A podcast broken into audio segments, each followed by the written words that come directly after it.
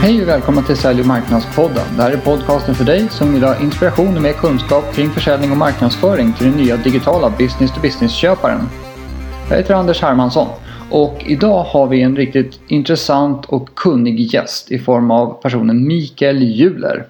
Han har ett företag som heter PMP och eh, de gör eh, årligen, eller två gånger om året faktiskt, en undersökning som heter Säljindikatorn. Och den ska jag prata lite grann med Micke om i den här intervjun. Jag träffade Micke för första gången för många, många år sedan. I business to business sammanhang då också. Vi har hållit kontakten under åren och det är en riktigt härlig och kunnig kille det här. Själva intervjun spelas in över Skype eh, via Mickes mobiltelefon när han sitter och kör bil från Göteborg. Men jag tycker att ljudet håller riktigt bra kvalitet faktiskt. Så i och med det vill jag lämna över till intervjun med Mikael Juler. Hej Mikael Juler! Välkommen till Sälj och marknadspodden! Tack för det! Det är så jäkla kul att vi fick till det här till slut. Vi har ju känt varandra i ganska många år. Det är inte så att vi har umgåtts varje dag, det ska man inte säga. Men vi har väl hörts lite då och då under en jäkla massa år här. Absolut. Ja, och du har tuffat på med PMP och det går väldigt bra för dig. Det tycker jag är superroligt. Men jag Ja. tänkte så här, eh, lyssnarna får kanske, de får bjuda på en kort presentation av dig. Ja, Jajamän. PMP är ett företag som hjälper eh, andra företag och våra kunder med säljdriven tillväxt. Och PMPs specialitet är kvalificerad försäljning. Det vill säga kunder som har en försäljning som omfattar ofta långa löptider. Medan man får en order som omfattar många personer på både kundsidan och på leverantörssidan som är inblandade. Mm. Och där eh, själva varan eller tjänsten eller lösningen som säljs ofta anpassas efter kunden. Ja. Det är det, det, det man kan kalla kvalificerad försäljning. Och, och, och uppdragsgivare till oss som har den typen av försäljning, där passar vi in. De hjälper vi så att de växer med, med hjälp av säljdriven tillväxt. Ja, just det. Ja, bra. Och det, det är lite, lite faktiskt samma målgrupp som vi riktar oss till på Business Reflex. Just med, med vi kallar det för komplex business to business. Eh, Ja. Och sen, sen finns det viss komplex business to consumer också. Men det är lite grann ett annat djur helt enkelt. ja. Ja, nej men bra. Och vem är du då? Och jag heter Mikael, förnamn och Juler i efternamn och jag är grundare av företaget. Jag grundade det 1985 och jobbar idag som VD och kundansvarig. Och som VD så betyder det att jag är ansvarig för verksamheten totalt sett och som kundansvarig betyder att jag är ansvarig för vissa av våra kunder och bidrar till deras utveckling. Det är härligt. Man måste ha fingrarna kvar i syltburken. Ja, Bra! Du, eh, då är det så här att ni har ju en undersökning som ni gör som heter Säljindikatorn. Och den tycker jag du borde berätta lite mer om för den är ju väldigt intressant. Ja, Säljindikatorn är en undersökning som skapades år 2006. Den skapades därför att PMP vill få en förståelse för hur svenska börsbolag tänker när det gäller deras marknadsföring och försäljning. Och istället för att eh, gissa det, eller istället för att bara samla vissa eh, pusselbitar här och där, så vill vi skapa ett systematiskt sätt att samla kunskap från de här börsbolagen. Hur de tänker hur de jobbar. Och det vill vi göra från de stora börsbolagen. Så vi valde 100 stycken som varje år två gånger ger oss svar på hur de tänker kring deras tillväxt och deras försäljning. Mhm. Och då är det försäljningsdirektörer och marknadsdirektörer och försäljningschefer och marknadschefer på 100 börsbolag som berättar för oss hur de tänker, vilken riktning de går i, vilka förändringar de gör och um, deras stra- strategier för att öka deras tillväxt. Okej. Det här görs via telefonintervjuer på ett systematiskt sätt som, um, som vi då får fram. Och sen får vi fram trender. Eh, och det här görs två gånger per år, varje Mm. år i juni och i december. Mm. Och det sammanställs i en rapport som vi gör en analys på. Okej. Och, eh, och det här har ni gjort alltså, sedan 2006?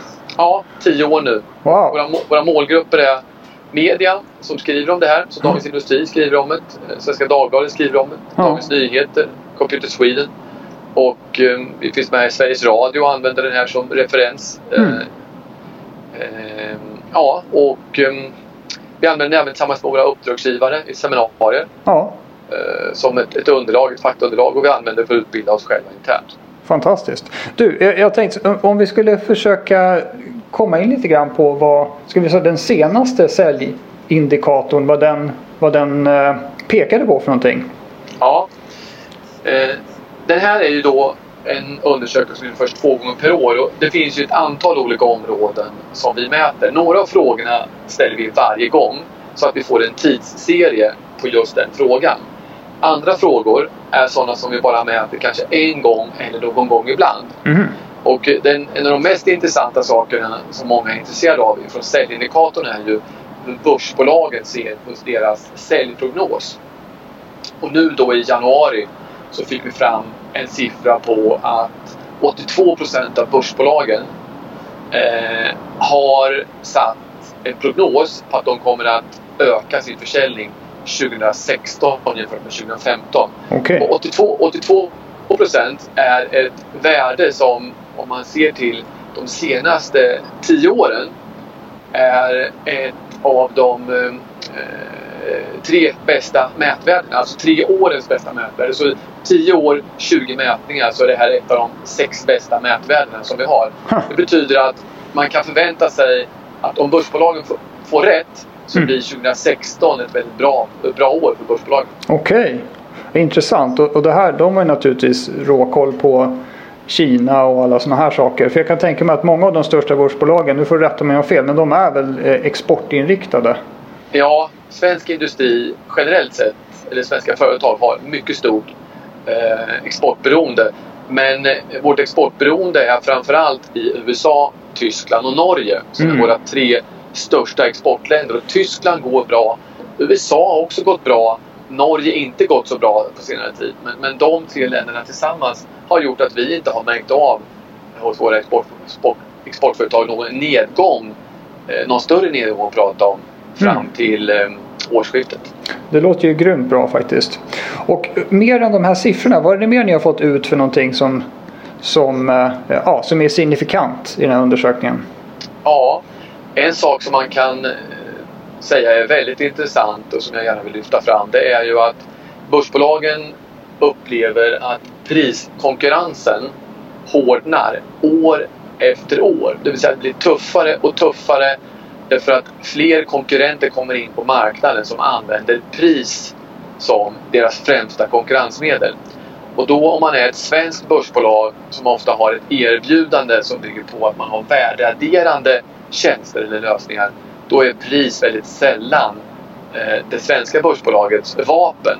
Och då när det dyker in konkurrenter, kanske från andra länder, mm. som har eh, priskonkurrens som vapen då biter det hårt på våra svenska börsbolag. Och det är någonting idag som eh, många av dem upplever och känner bara blir tuffare och tuffare och tuffare. Så priskonkurrens är en av de här särskilt intressanta bitarna. Okej, okay, och, och, jag kan tänka mig att det, det, betyder att de här utländska konkurrenterna då de eh, kan erbjuda någonting likvärdigt, i alla fall till synes likvärdigt fast till ett mer konkurrenskraftigt pris.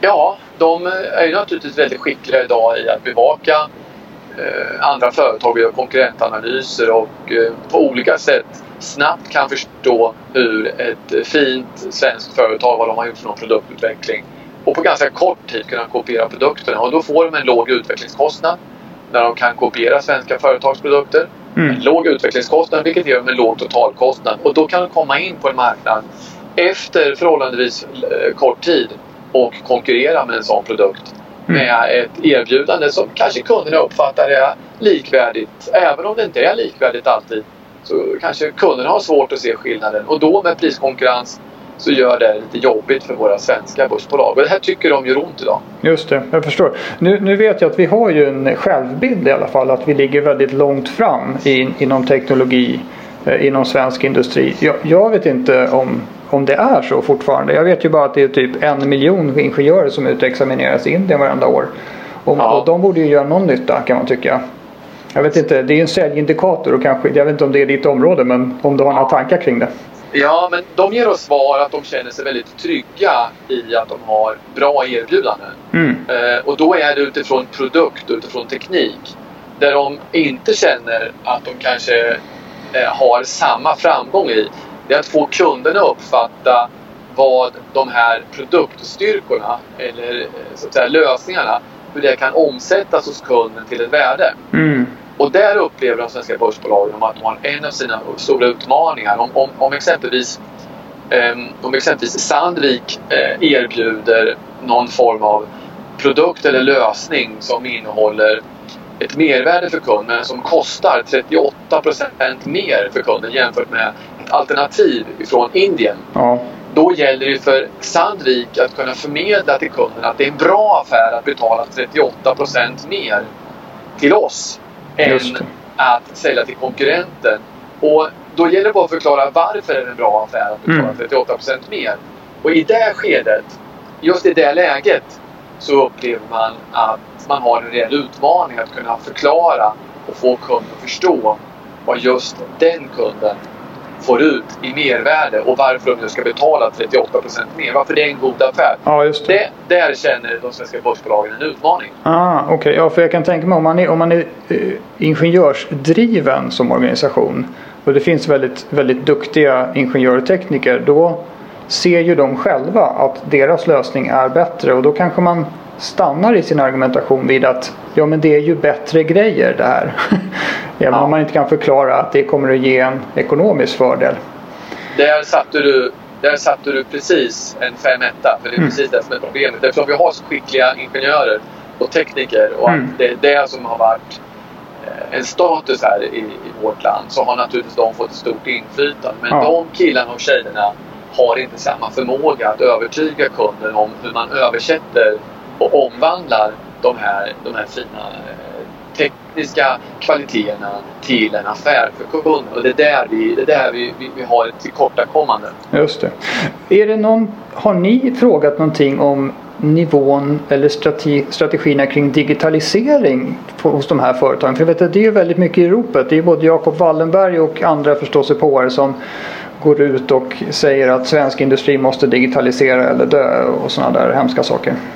I vår mätning som vi kom ut med i augusti 2015 så hade vi med just den frågan och då ville vi ta reda på i vilken grad de upplever att de behöver öka takten i investeringar i digitalisering när det gäller kundservice, alltså kundsupport, marknadsföring och försäljning. Mm. Och alla de tre värdena, blev, alla, alla de tre faktorerna mm. fick väldigt höga värden för vad man behövde förändra. Och den som fick allra högst värde av de tre var försäljningen. Ah, intressant. Och har du någon, någon aning om vad, vad det, hur det skulle kunna gestalta sig? Alltså digitalisering av försäljningen. Vad, vad är det i de här, hos de här bolagen?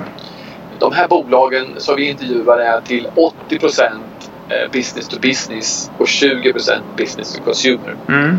Eh, och eh, det finns alltid en ganska stor skillnad mellan hur business to business tänker och gör och business to consumer gör när det gäller eh, att, att, digitalisera försäljningen. Mm. Och de här 20 procenten som anledningen till att det är 2080 ska jag säga är därför att det är så börsen ser ut. Ja. den svenska börsen på small cap, mid cap och large cap är 80 procent business, business to business. Just det. Och då om man bryter isär de här siffrorna så ser man att business to consumer är mycket skickligare än business to business på att driva en affär som går över internet. Mm, just det. Äh, än vad business, consumer, business to business är. Ja. Och, och, det är kan man säga en, en sån här finding som vi har. De som är på business to business där har det, finns det fortfarande en tröghet i hur man ska produktifiera och tillgängliggöra sitt erbjudande så att kunden ska tycka att man kan köpa det här över internet. Just det. Att man, just det, man behöver många gånger backa så långt bak så att man faktiskt gör om sin affärsmodell lite grann. Ja, för att ja. den ska passa. Mm. Ja. Ja, intressant. Vi, vi ägnar oss ju väldigt mycket åt det här tänk kring hur man ska kunna digitalisera sin affär och så vidare här när vi, när vi pratar med våra kunder. Och eh, det, det kan ofta, ofta, eller ibland i alla fall, sluta i att man inser att man behöver göra sitt, paketera sitt erbjudande mycket mer eh, och se till att det blir enklare att köpa just i digitala kanaler. För att kunderna är ute efter det. Det, det, ja. det, det är deras preferens. De vill göra affären digitalt och om man har en produkt som är så pass avancerad och anpassningsbar så att det där är mer eller mindre omöjligt. Ja, då upplevs man ju som krånglig helt enkelt. Ja. Mm. Jag ska utveckla det här resonemanget med att säga så här att bland de företagen som är business to business som har gått över och jobbar med eh, en försäljning online. De gav oss ett svar att de ser att det här eh, påverkar deras eh, tillväxt och lönsamhet på ett väldigt positivt sätt. Mm. Det vill säga de som är eh, redan inne i det är väldigt de, de ser bevis på att det är väldigt lönsamt att jobba digitalt. De som inte än befinner sig där så Mm. är det väldigt få som har förstått att de faktiskt kan öka sin tillväxt och lönsamhet via onlineförsäljning. Det. Och därför det finns fortfarande en stark omognad business to business. Just det. Eh, Men, men, men av de som är föregångare och som går, går främst i leden Mm. så ser de väldigt tydligt att det påverkar både deras försäljning och lönsamhet positivt. Ja. Ja, jag förstår. Det, det, det kändes lite bra att få det bekräftat i, i undersökningar också. För att vi, vi får ju sådana indikatorer hela tiden men kanske inte har riktigt samma empiriska underlag som du har. Men det kändes ju bra att få det styrkt. För jag Ja. tror ju väldigt starkt på det naturligtvis. Ja. Eh, Om man skulle titta på hur fort, har, har det varit en kraftig förändring på några områden om man tänker sig fem år tillbaks eh, i, på de här undersökningarna? Så att man kan utläsa någon form av trend. Du, du nämnde ju en prispressen här och, ökad priskonkurrens. Finns det några andra sådana här saker? Jo, börsbolagen upplever att de har en utomordentligt tuff utmaning att rekrytera duktiga säljare. Och eh, eftersom att de har så svårt att hitta duktiga säljare så får de svårt att skala upp sin försäljning. Och eh, det där gör att de inte kan, eh, inte kan förstärka sin säljorganisation i den takt som de vill. Så att eh, om man kikar på eh, på exempelvis Arbetsförmedlingens listor över mest, där, där man har flest eh, alltså företag som söker som söker folk Mm. så är en av de absolut största tjänsterna alltså, alltså, som är mest efterfrågad är företagssäljare. Aha, okej. Ah, och det där är en indikator på det. Den andra indikatorn är då från säljindikatorn där man beskriver att man har eh, det här är en av de främsta utmaningarna för att lyckas med sin tillväxt. Ja. Att rekrytera duktiga säljare. Ja. Och det är någonstans kring jag tror det var 82 procent som angav att det var någonting som hindrade dem från att växa. Att de inte lyckades rekrytera duktiga säljare. Det andra som var ännu viktigare, eller ännu, ännu tyngre i en undersökning, nämligen 93 procent av börsbolagen svarade att de har problem att växa som de ska på grund av att de inte kan leverera ett värdeerbjudande. Och värdeerbjudande var alltså det här som vi pratade om alldeles nyss. Nämligen att kunna berätta för kunden vad som händer i deras verksamhet om de köper just deras tjänst eller lösning. Okej. Ja, vet du vad? Jag, jag la precis handen vid en, eh, sista handen vid en bloggpost där rubriken är Anställ en säljare till. Eller där jag pratar om det här med vad som krävs av en säljare nu för tiden när köparna är digitala. Hur otroligt bred kompetens rent kommunikativt man avkräver av de här personerna. Att det, är nästan, det har blivit ett i princip omöjligt jobb att ha. Eftersom hela modellen är förfelad utifrån köparnas ändrade beteende. Jag ska, jag ska skicka den där bloggposten till dig sen får vi se om du har några kommentarer på den. Men det handlar mycket om att man skulle behöva dela upp den där arbetsuppgiften i, i lite nya områden. Jag kallar det första steget för att man har digitala relationsskapare. Man har personer som jobbar med att skapa digitala relationer med de här presumtiva köparna. Och sen det, har man mer en, en konsultativ approach där man pratar med mer lösningsingenjörer eller lösningskonsulter som jobbar tillsammans med de presumtiva köparna och hjälper dem genomföra en affär som innehåller rätt, rätt erbjudande. Och sen har man någonting som jag kallar för affärsstöd som är mer människor som är bra på att göra affärer. De förstår inköpsrutiner, de är bra på legal eh, och kan avtal och förhandling och sådana saker. Man, det är nästan de stora stegen att avkräva av en person att de ska vara sjukt bra på det där. Eh, Alltså då förstår jag ju att det finns det är ganska få människor som matchar den profilen. Ja, absolut. Så att det, det ligger nog, jag förstår att man, man letar med ljus och lykta efter säljare men man har gjort jobbet ganska svårt för både sig själv och de där framtida säljarna som man ska, som man ska anställa. Ja, Ja, det om det. Det kommer i bloggposten. Ja tackar. tackar. Eh, vad, vad, vad säger du? Skulle, vi förs- ska man försöka, skulle man försöka hitta nå- några Eh, om man, om man säger så här, det finns då de hundra största börsbolagen som ni undersöker. Det borde ju vara så att de lever ju inte i en egen bubbla för sig själva utan resten av, av landets eh, hyfsat komplexa business to business verksamheter. Det borde ju vara relevant för dem också det här resultatet, eller hur? Ja, absolut. Och, och då kan man säga så okej, okay, om man nu är ett business to business företag som har ett hyfsat komplext erbjudande till, till sina kunder. Vad, vad skulle du säga utifrån de här undersökningarna att man skulle börja titta på och ta tag i för någonting? För att komma framåt. Ja, och med komma framåt menar du? Ja, jag menar liksom att, att öka på sin tillväxt och eh, ja, lönsamhet i, i samma grad om det nu är möjligt. Ja. Och, och, och, stärka sin konkurrenskraft eh, på det sätt som behövs. Ja. Då finns det ju några saker som de pekar på att de tycker är särskilt tufft för dem. Och det är ju att den organisation de har som ska ta hand om kunder och affärer. Eh, den organisationen är ofta hårt belastad bara av de kunder och de affärer som de redan idag eh, driver och äger och ansvarar för. Okej. Okay. Eh, och det betyder att när de eh, kommer med ett eh, ett önskemål om att de vill öka tillväxten mm. så måste de göra någonting mer än vad de gör idag och de måste jobba annorlunda. Och då är det många av dem som upplever att vi måste istället för att vara någon som tar hand om det som finns på bordet idag så måste vi vara någon som tar med någonting mer till bordet varje dag. Mm. Och då kommer många fram till att ja, men då borde det vara så att då ska vi åka ut och träffa kunden och kanske träffa fler personer hos kunden eller träffa fler mm. eh, kunder. Mm.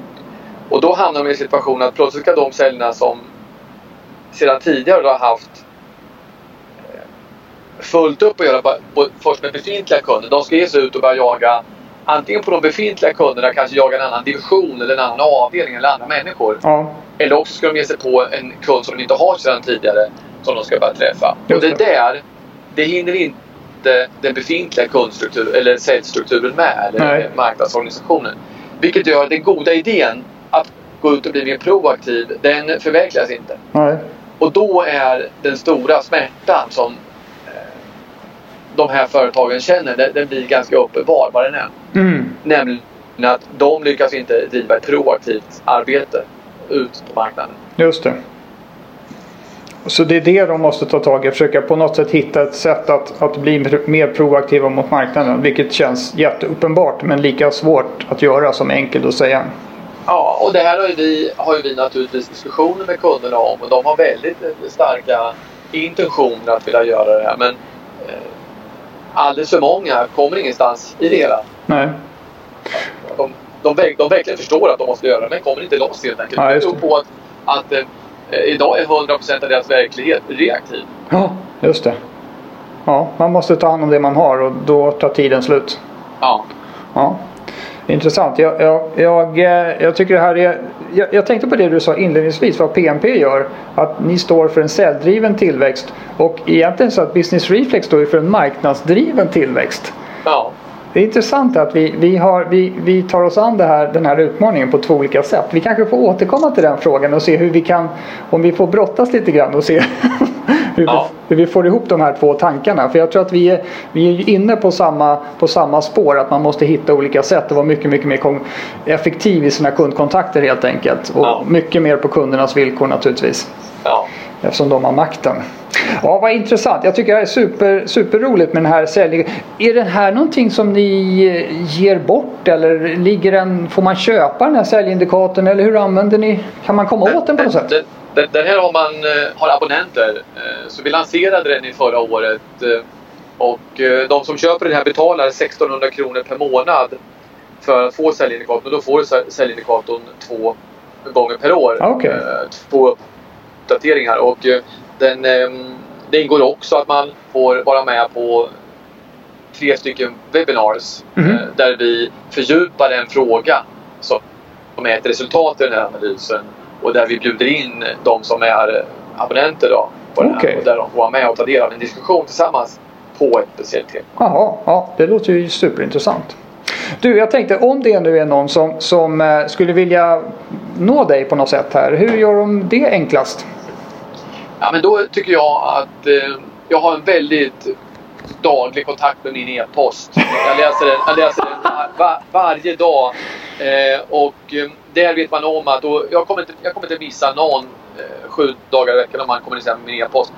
Telefon är jag jättebra på men eh, de andra media orkar, orkar inte jag hålla på med. Jag hinner inte hålla på med något. Nej. A- Annat än bara tillfälligtvis. Så att e-post är perfekt. Mikael, Mikael.juler.pmp.se Bra, perfekt. Jag lägger det i noteringarna till podden också så kan de klicka på länken här och mejla det om de vill få tag på Ja, dig. det är underbart. Du Micke, tack så jätte- jättemycket för att du tog dig tid att vara med i Sälj och marknadspodden. Ja, jag uppskattar att få möjligheten att vara med och jag tycker att det var träffsäkra och intressanta frågor och jag tar gärna en fortsatt dialog med dig eller andra om jag får det i den här typen av sammanhang. Underbart! Tack ska du ha! Bra, tack. Ha det bra, hej. hej, hej. Ja, det var ännu ett avsnitt av Sälj och marknadspodden. Hoppas ni gillar intervjun med Mikael Juler. Under intervjun så pratade jag om en bloggpost och den finns på businessreflex.se under bloggen. Där kan ni läsa den och den har titeln Stoppa de plågsamma säljarförsöken nu.